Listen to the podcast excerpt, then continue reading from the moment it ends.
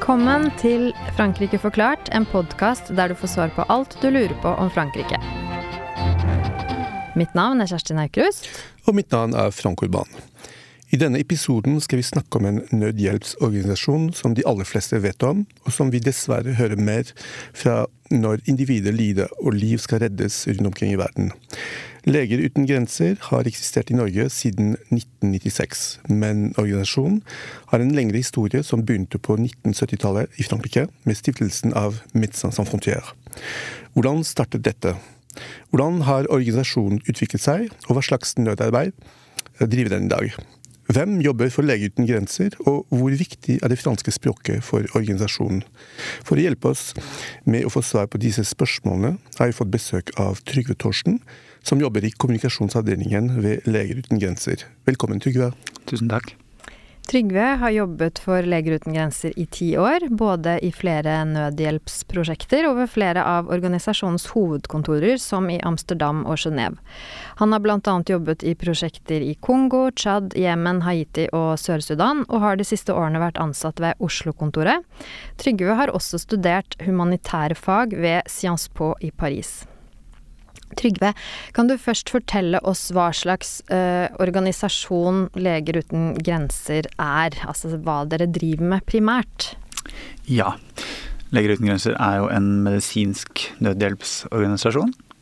Så vi driver med nødhjelp i både helt akutte kriser og langvarige kriser hvor det trengs eh, helsehjelp eh, primært. Da. Vi gjør jo litt mer enn kun å drive sykehus og klinikker, mobile klinikker, altså det rent helsemessig ved nødhjelpen. Noen steder så må vi også gjøre f.eks. arbeid innenfor vann og sanitær for å sørge for at folk har tilgang til rent drikkevann. Eller i enkelte tilfeller så må vi også, hvis det ikke er noen andre som gjør det, så hender det at vi også må dele ut mat eller tepper eller andre ting, da. Men primært så er det den medisinske delen da, som Leger uten grenser gjør, som jo også ligger i navnet. Mm, ikke sant. Frank nevnte innledningsvis at Leger uten grenser ble stiftet eh, i Frankrike av noen franske leger og journalister i desember 1971 i forbindelse med Biafra-krigen, også kjent som den nigerianske borgerkrigen. Og i hvilken grad vil du si at organisasjonen representerte noe nytt på den tiden? Og hvilke behov var det på en måte meningen at den skulle dekke, som ikke var dekket av andre organisasjoner? Ja, så egentlig representerte jo både Biafra-krigen i seg sjøl representerte også på en måte noe nytt. Er det mange liksom, historikere som forsker på spesielt den måte, humanitære eller nødhjelpshistorien, da, eh, som sier eh, Biafra-krigen var en av de på en måte første krigene som fikk en sånn stor medieoppmerksomhet i, i Europa spesielt. Eh, hvor det var liksom eh, demonstrasjoner, og det var stor pressedekning, og det var stor det var veldig stor oppmerksomhet ikke bare om konflikten, men også om den humanitære innsatsen. Og det var litt nytt. Eh, og det er på en måte i kjølvannet av det at Leger uten grenser ble stifta av franske leger og journalister. Og en del av de legene hadde da vært, vært i Biafra og jobbet for eh, franske Røde Kors, eller for Den internasjonale Røde Kors-komiteen, hvis man skal være helt presis. Fransk Røde Kors lånte ut noen av sine leger til Den internasjonale Røde Kors-komiteen. Og eh, den komiteen har jo er mye eldre enn Leger uten grenser, men hadde, og har fortsatt, en et standpunkt om å være enda mer strengt nøytrale. Her er vi inne på de humanitære prinsippene, som kanskje Røde Kors og Leger uten grenser tolker bitte litt forskjellig. Men Røde Kors sin tradisjon er jo å holde en konfidensiell dialog med partene i konflikten, og ikke f.eks. gå ut i media med alt det de er vitne til. Og i Biafra så var man vitne til da et område sør i Nigeria som var beleira, eh, og hvor situasjonen ble verre og verre i de to og et halvt åra krigen varte. Og hvor det var stor medieoppmerksomhet, som sagt. Og de franske legene som da dro hjem og stiftet Leger uten grenser etterpå, syns jo at som leger så kunne de ikke være stille om det de var vitne til. Og de hadde da en tro på at medieoppmerksomhet, økt medieoppmerksomhet, kunne også føre til en forandring på bakken. Kunne føre til altså at mer oppmerksomhet kunne føre til en bedre beskyttelse av de sivile på bakken, som, som led. Det var også, som det er i kriser i dag også, snakk om eh, veldig stor risiko for eh, hungersnød. Veldig sterke bilder som kom ut fra Biafra av eh, barn, sivile, folk på flukt som, eh, som sultet i hjel. Så det var på en måte bakteppet, og det var det de franske legene da kom hjem og tenkte at det vi er vitne til her, er så ekstremt. Det var også der snakk om folkemord. Um, det vi er vitne til, er så ekstremt at vi kan ikke uh, sitte stille og ikke varsle offentlig om det vi er vitne til. Mm. Så sånn sett så representerte Leger uten grenser da det ble stifta noe litt nytt, for det var filosofien. Det er på en måte, for å bruke et fransk uttrykk, Leger uten grenser raison d'être. Mm. At man skal levere nødhjelp, men også varsle, skape oppmerksomhet om det var vitne til, for å få til en forandring. Så ha en politisk rolle, kan man gå så langt? Mange vil jo si at det er en politisk rolle. Leger uten grenser vil jo si at vi er fortsatt nøytrale. For vi tar ikke stilling til hvem som burde vinne eller tape krigen.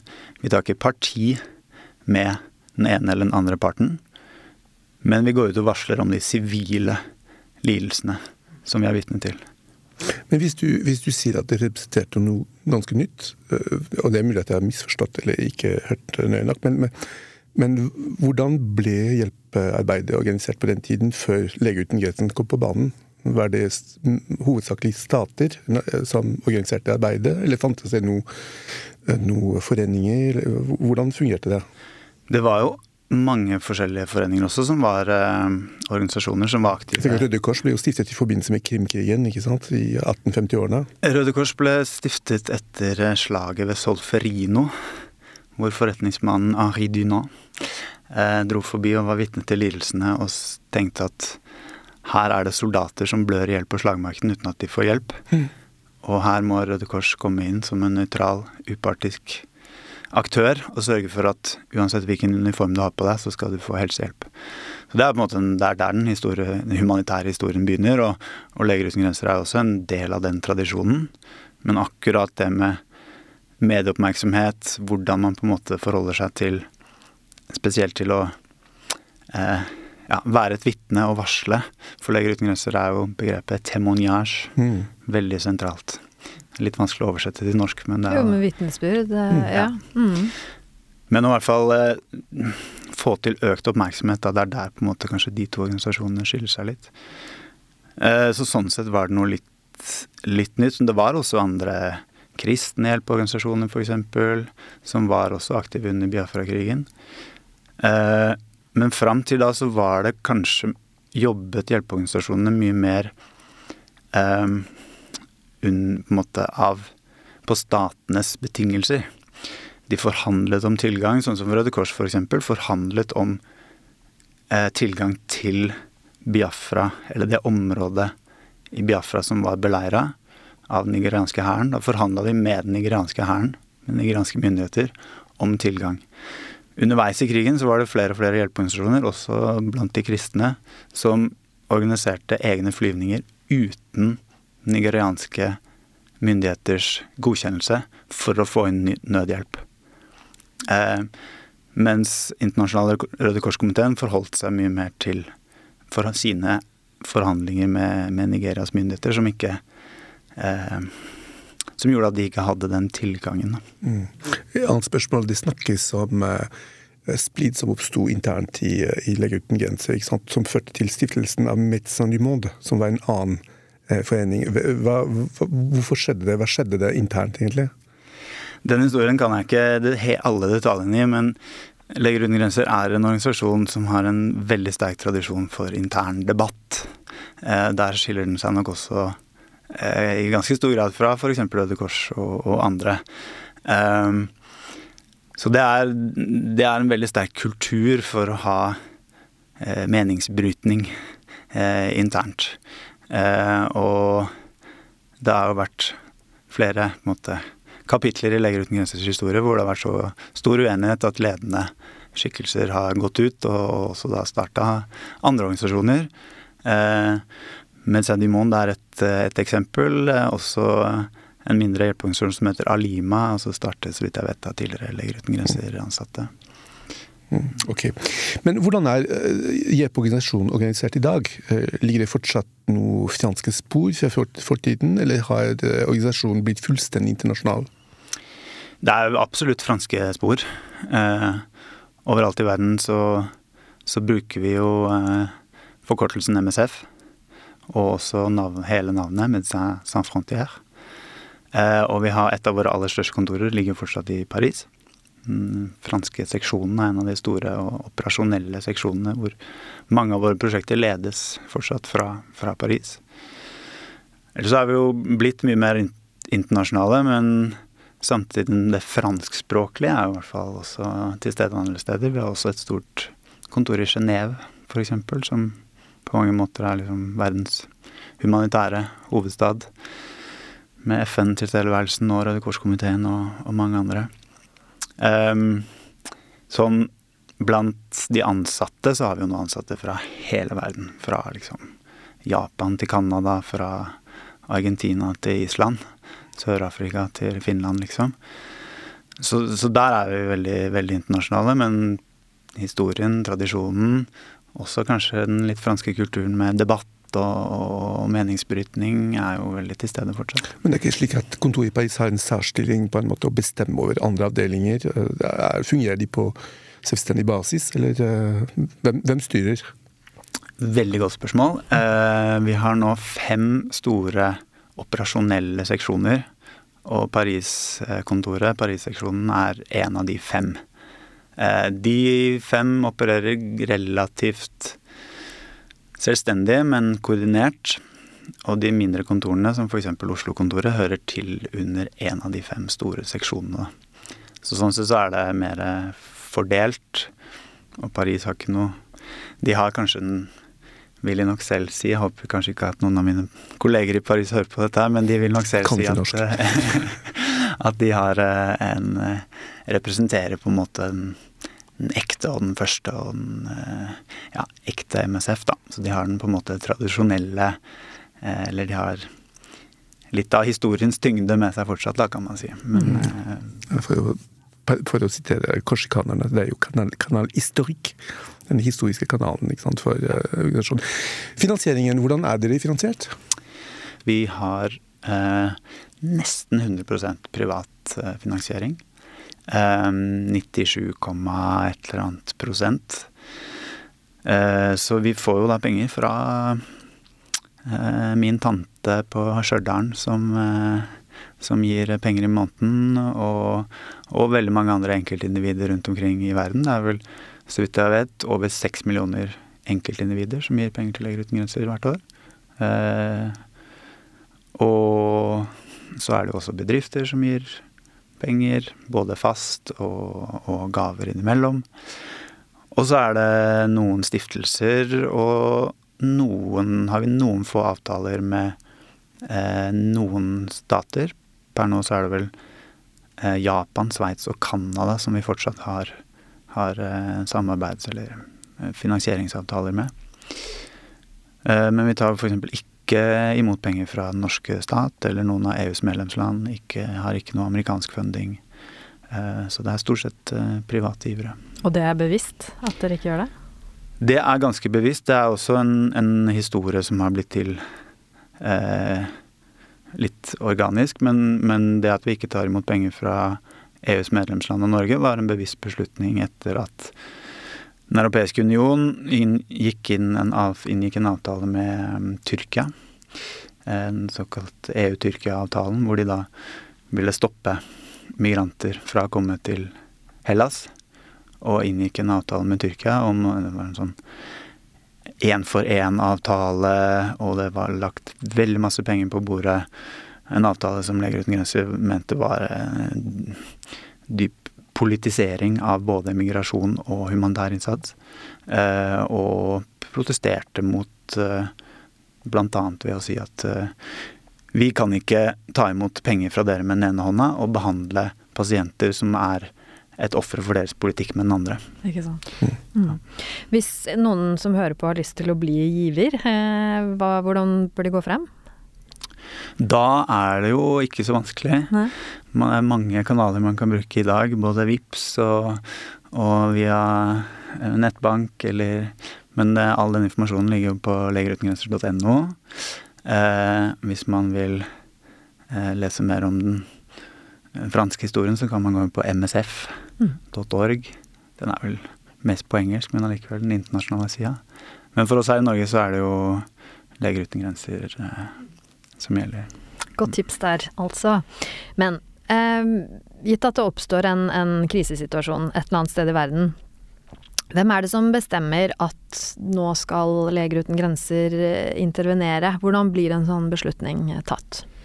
Da er det jo da eh, ett, en eller flere av disse fem store kontorene våre som følger med på det som skjer. Eh, og som da bestemmer seg for å sende et team. Ofte så sender vi jo et lite team først for å kartlegge situasjonen. Og hvis vi finner at behovene er så store at det trengs mye mer, så sender vi jo da et team og materiell som er skreddersydd for den situasjonen vi står overfor. Da. Det jo, kan jo være ganske forskjellige behov. Hvis det er en tsunami eller et jordskjelv, så er det forskjellige behov fra en, en krigssituasjon eller en, en sultkatastrofe. Um, så da må vi på en måte skreddersy både personellteamet som drar, og, og materiellet vi sender. Men ofte så har vi jo også et team til stede. Eh, enten i landet som rammes, eh, eller i, i, regionen. Og da kan vi jo prøve å respondere med det vi har mye nærmere eh, allerede, da. etter jordskjelvet i, i Tyrkia og Syria for omtrent akkurat et år siden nå, så hadde vi jo flere prosjekter i nordvestre Syria allerede, f.eks. Så da var det om å Da tømte vi lagrene vi hadde der i løpet av de første dagene. Og så må vi prøve å få inn mer etter hvert, da. Ikke sant. Det er jo sikkert mange som tenker på situasjonen i Midtøsten eh, akkurat nå. Eh, og, der regner jeg med at dere er ganske godt til stede? Ja. ja. Leger uten grenser er jo en av, et, en av få organisasjoner som fikk inn eh, et team inn på Gazastripen ganske tidlig med medisinsk personell. Hvor mange har du cirka? Det var ti stykker, tror jeg, det første teamet som ja. fikk Og nå er det vi hadde jo da allerede flere hundre nasjonalt ansatte på bakken. Hadde også internasjonalt ansatte som var der. Men når, når kriser, eh, konflikter, eskalerer på den måten der, så, så vil vi jo ha vårt mest erfarne personell på bakken. Eh, så da eh, var det noen som ble evakuert ut, også for sin egen sikkerhet. Eh, og så har vi fått inn eh, et team med veldig erfarne folk eh, etter det. Jeg regner med at i en sånn situasjon som i Midtøsten, så er dere også avhengig av at uh, av andre som kan hjelpe dere, altså andre allierte, la oss kalle det det. Uh, hvem er det som er deres viktigste allierte i sånne situasjoner? Altså vi forhandler jo med alle parter om tilgang, uavhengig av hvem, hvem de er. Vi må forholde oss til de aktørene som kontrollerer området som vi ser behov i og har lyst til å hjelpe til i.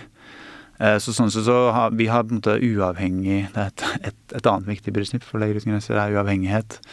Eh, så vi har våre egne forhandlinger da eh, med statene som kontrollerer grensene, statene som kan gi oss visum, statene som har kontroll over hva slags medisiner vi kan få inn. Det er jo da nå f.eks. på Gaza. Israel kontrollerer jo noen grenser. Egypt, palestinske myndigheter så det er alltid flere aktører som man må forhandle med, men vi har ikke noen på en måte eh, faste allierte sånn sett som vi eh, eh, samarbeider med eller noe sånt. Det, er, det, kommer an på fra situasjon til situasjon. Um, nå, nå, snakket vi nettopp om Midtøsten og Israel-Gaza, men for å få litt oversikt over bredden i deres operasjoner, hvor mange, i hvor mange kriser intervenerer Legeuten grenser i dag? Og hva er forskjellen mellom disse ulike operasjonene? Går det an å kategorisere dem? Ja, vi, har jo prosjekter i over 70 land. Eh, og da er det jo flere prosjekter i mange, mange land. Jeg tror vi er oppe i 400-450 prosjekter eh, totalt. Eh, om ikke enda flere. Eh, og ja Det er jo veldig stor bredde. Det er alt fra liksom, ganske teknisk eh, høyt eh, avansert kirurgi noen steder, til eh, behandling av malaria, utdeling av myggnett. veldig enkle på en måte enten behandling eller enkle forebyggende tiltak andre steder. Um, så det er absolutt en stor bredde. De aller hovedvekten av våre prosjekter ligger vel på det afrikanske kontinentet. Men det er også et kjempesvært kontinent geografisk, uh, så det er kanskje ikke så rart. Uh, men ellers så er det jo spredt uh, Det er jo dessverre mange situasjoner i verden hvor, vi, hvor Leger uten grenser trengs, da. Hva er den alvorligste om dagen? Det er jo Gaza uten tvil. Eh, en situasjon uten sidestykke. Som er eh, vi, vi, slapp jo opp for ord eh, allerede i oktober for å beskrive de lidelsene der. Og det, siden det har det bare fortsatt. Går det an fortsatt å jobbe der? Ja. Øh, I sentrale Gaza og, og, sør så kan man få gjort noe. Uh, I nord er det ekstremt uh, vanskelig. Um, men det er jo noe det går an å gjøre. Behandling av krigsskadde. og så er det jo der, som i alle andre konfliktsituasjoner, også sånn at de som vanligvis blir syke eller har behov for et sykehus, de har også behov for det selv om det blir en konflikt. Så folk Selv om det ikke finnes noe sykehus lenger? Og selv om det ikke finnes noe sykehus. Det er Eh, jo de som har kroniske sykdommer, de som er gravide. Er helt forferdelig, grusom eh, situasjon som, som på en måte humanitær arbeider, så er det virkelig Det treffer virkelig liksom i kjernen av det vi står for og det vi jobber for. Det ryster oss liksom virkelig helt inn i kjernen. Og I forhold til dette og i forhold til de andre operasjoner, hvordan opplever du responsen fra et norsk publikum etter en kampanje som dere eventuelt setter i gang? Ja, øh, her i nå i høst så har jeg opplevd en veldig respons fra, fra, Norge, fra befolkningen i, i, Norge. Og, um, og generelt også er det jo et Jeg syns at den norske, norske befolkningen har et ganske sterkt humanitært engasjement som kommer veldig til syne akkurat nå. Uh, hvor man Hvor også ikke bare vi som jobber med, med humanitære spørsmål til daglig, men også eh, folk som jobber med helt andre ting. Næringslivsledere eller, eh, eller eh, ja, våre venner og bekjente som har helt andre jobber. Virkelig som tar inn over seg hva hva krigens regler betyr, hvorfor de er der, hvorfor det er viktig at sykehus er nøytrale områder som ikke skal angripes, hvorfor de sivile skal beskyttes mm. når det er konflikter. Eh, og det tror jeg på en måte er en eh, Det er normer som angår oss alle på et eller annet eh, nivå. Eh, og normer som vi må opprettholde, og som jeg føler at eh, veldig mange nå her i Norge har en eh, Jeg har kanskje fått en enda, et enda mer bevisst forhold til, da. Når de blir eh, Ja eh, oversett og, og, og angrepet, da, i, mm. på, på, på, mange Både bokstavelig og i overført betydning. Um, en annen ting er jo at dere har hatt godt rykte, eller ekstremt godt rykte, over over veldig lang tid, egentlig. Slik at når dere går ut og varsler om noe, så blir, så blir dere tatt på alvor. Det er ingen som prøver å politisere deres varsel og mener at dere mener noe politisk og alt. Som regel så tolker det som det er. Det er jo ja, det er jo enig i. Et veldig viktig, veldig viktig prinsipp for oss er at vi skal si det som det er. Eh, og det er jo hele det vi snakket om i begynnelsen, at vi, vi vil varsle om det vi er vitne til, altså det vi ser med egne øyne. Eh, og det er jo som eh, når jeg har vært ute og jobbet i våre prosjekter og kommer hjem og kan snakke med norsk media om det, eh, så er jo det også noe veldig fint for oss som er ute og er vitne til det. og det er Vi ser på det som Det er en del av organisasjonens raison d'être, men det er også en del av vår motivasjon for veldig mange av oss. Og eh, det at vi kan gjøre det direkte, våre leger, sykepleiere, eh, kan fortelle om det de er vitne til direkte, og at det ikke er en ikke bare er eh, en generalsekretær eller andre som som snakker på vegne av organisasjonen, det, det tror jeg er eh, et prinsipp vi har hatt med oss fra starten, og som fortsatt er der og er viktig. Og så er det noen ganger at det vi sier, blir forsøkt politisert. Jeg har f.eks. vært om bord på vår redningsbåt på Middelhavet, hvor, hvor flere Det var ikke så mange jeg fikk. Fikk ikke så mange direkte meldinger, men noen som, som var veldig kritiske til det som jeg da sa offentlig til norsk media. Og som som hadde en, en, en, politisk eh, lesing av det, da, selv om, eh, selv om jeg ikke mente at det var eh, Det hadde ikke noe med norsk partipolitikk å gjøre direkte. Jeg uttalte meg ingenting om det. Men alle, eller veldig, veldig mange humanitære kriser er jo eh, Det er humanitære konsekvenser av politiske handlinger. Så er, vi arbeider jo i politiserte kontekster. Eh, og da er det jo ofte at å snakke om de sivile lidelsene blir politisert, eller blir sett på som politisk. Mm, absolutt. Hvis vi går litt tilbake til organisasjonen, hvor mange er det som jobber for uh, Leger uten grenser totalt uh, og, og, i Norge? Og kan du gi eksempler på ulike mm, typer stillinger, for å si det sånn? Ja, altså det er jo mange som kanskje tror at det bare er leger som jobber i Leger uten grenser. Ikke sant? Eh, fordi vi bruker det navnet.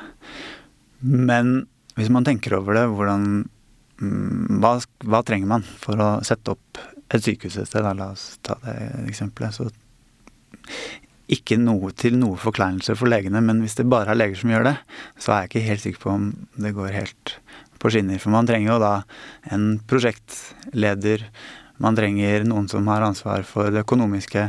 Man trenger noen som har ansvar for eh, HR. Eh, og man trenger noen som tar seg av logistikken. Så det logistikkapparatet til Leger uten grenser er enormt. Altså sende de medisinene og det medisinske utstyret vi trenger rundt omkring i verden. Passe på at vi ikke går tomme for medisiner.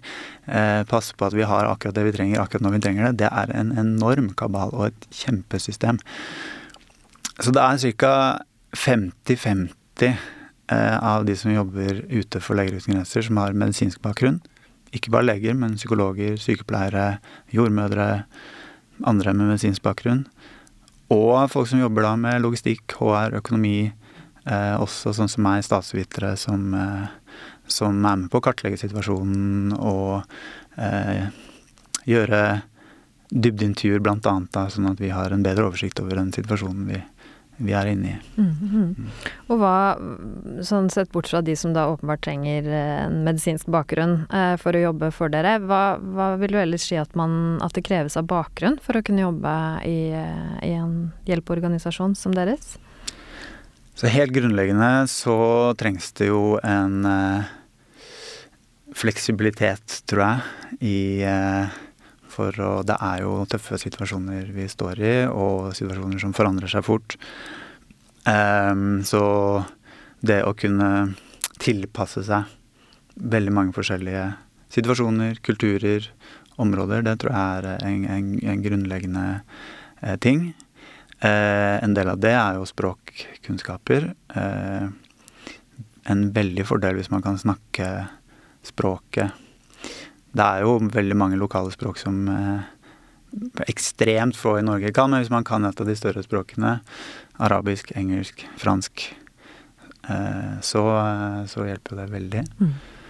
Og så er det på en måte da eh, Kommer det an på sektoren, da, hva man vi jobbe med, hva slags utdanning som, som trengs. Mm.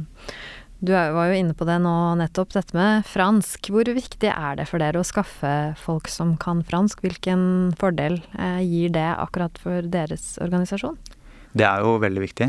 Eh, det er på en måte bare å eh, ta fram et verdenskart, og så se på de franskspråklige områdene, og legge et annet kart over der med våre prosjekter, eller de liksom, områdene med store humanitære behov i verden, så ser man at det er ganske mye overlapp.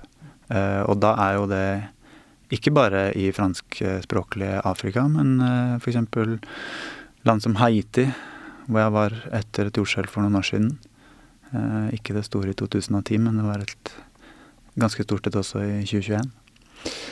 Eh, hvor jo fransk også er språket vi snakker hvis man ikke snakker kreolsk.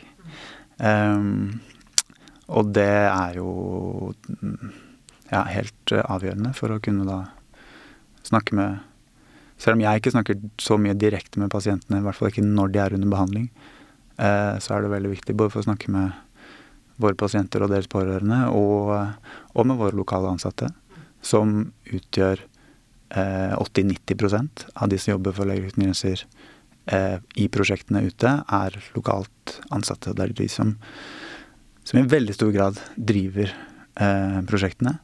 Eh, mine kongolesiske, kongole, eh, kongolesiske kolleger i Kongo eller, eh, eller fra Haiti der. så det er jo ja, helt, helt avgjørende. Hvis man ser på den demografiske utviklingen fremover, så vil ikke behov for fransk bli mindre i fremtiden. Så det antas at det blir 850 millioner afrikanere innen 2050. Så man kan tenke at behovet for språkkunnskaper for fransk vil øke med tiden. Ja, absolutt. Og så får vi jo kan man jo håpe at uh, behovet for humanitær hjelp går ned, men dessverre så ser det jo ikke sånn ut med både ustabile sikkerhetssituasjonen og polariseringen vi er vitne til akkurat nå, klimaendringene som også kommer til å føre til enda større humanitære behov i årene som kommer. Så at det er behov for Leger uten grenser og andre hjelpeorganisasjoner framover, eh, ikke bare i franskspråklige områder, men ellers også, det er det dessverre ikke så stor tvil om heller. Vår podkast er for frankofile, Frankrike-interesserte, de som snakker fransk, godt eller mindre godt. Men er det noe du vil si for å oppmuntre våre lyttere f.eks., eller andre, til å ta kontakt med dere, og kanskje søke jobb hos dere, eller kanskje bidra med noe? Absolutt. Altså, man kan jo bidra på veldig mange nivå. Eh, enten selvfølgelig ved å gi penger, det er på en måte det enkleste. Eller man kan eh, jobbe her i Norge med å eh, samle inn penger fra, fra, Norge, som er noe av det viktigste vi gjør her i, i landet. Eller, eller, være med på arbeidet vi gjør for å skape oppmerksomhet om de glemte krisene rundt omkring. Eller de krisene som ikke er glemt, men hvor det er veldig viktig å si fra. Um, hvis man har fleksibiliteten til det, så uh, anbefaler jeg absolutt å søke seg til uh, Leger uten grenser uh, internasjonalt, så man kan bidra ute i prosjektene. en veldig, veldig meningsfull jobb, og en jobb som du lærer ekstremt mye av, og får videreutvikla dine egne verdier og ditt eget verdensbilde.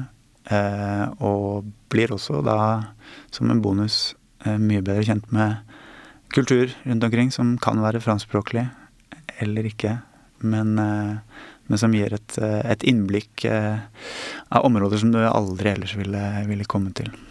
Det er klart. På slutten av hver episode så ber vi vår gjest om å komme med en fransk eller frankofon anbefaling. Hva er din anbefaling til våre lyttere, Trygve? Har jeg lov til å komme med to? Yep. Ja, veldig bra. fordi da har jeg tenkt på en bok som jeg syns oppsummerer veldig mye av det vi har snakket om. Som eh, heter 'Agir à tout prix' på fransk.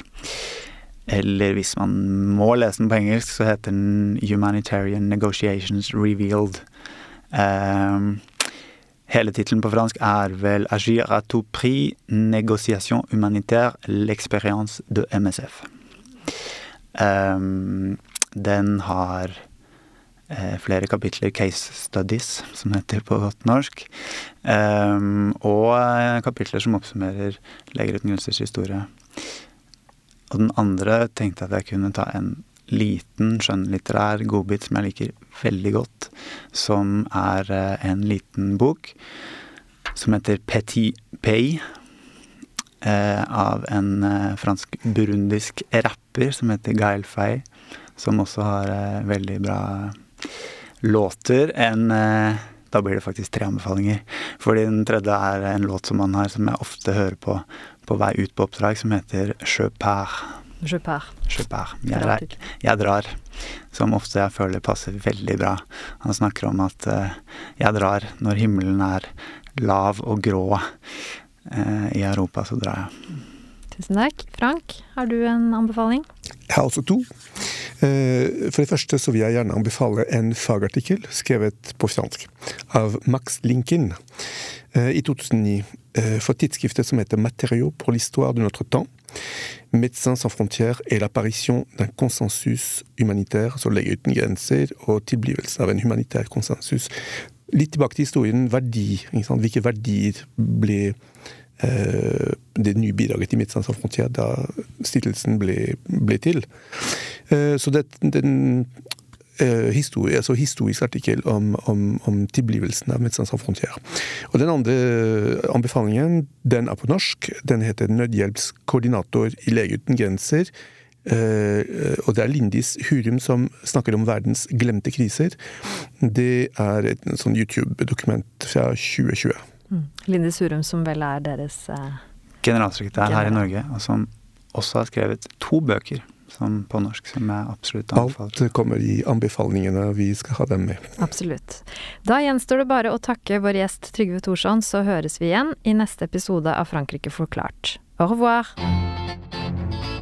Frankrike forklart er et samarbeid mellom Universitetet i Oslo og Høgskolen i Østfold. Podkasten er støttet av Det norske universitetssenteret i Paris og Institut Francais i Oslo, og har full redaksjonell frihet. Abonner på Frankrike forklart på iTunes, Spotify eller på andre plattformer der du lytter til podkast. Har du kommentarer til oss eller forslag til temaer vi bør ta opp, kan du sende inn det via vår Facebook-side Frankrike forklart. Alle dagens referanser ligger på denne Facebook-siden og på nettsiden vår. Vi skriver en kronikk i forbindelse med hver episode som belyser dagens tema fra en litt annen vinkel. Kronikken finner dere på forskning.no, Transitmagasin og på nettsiden vår.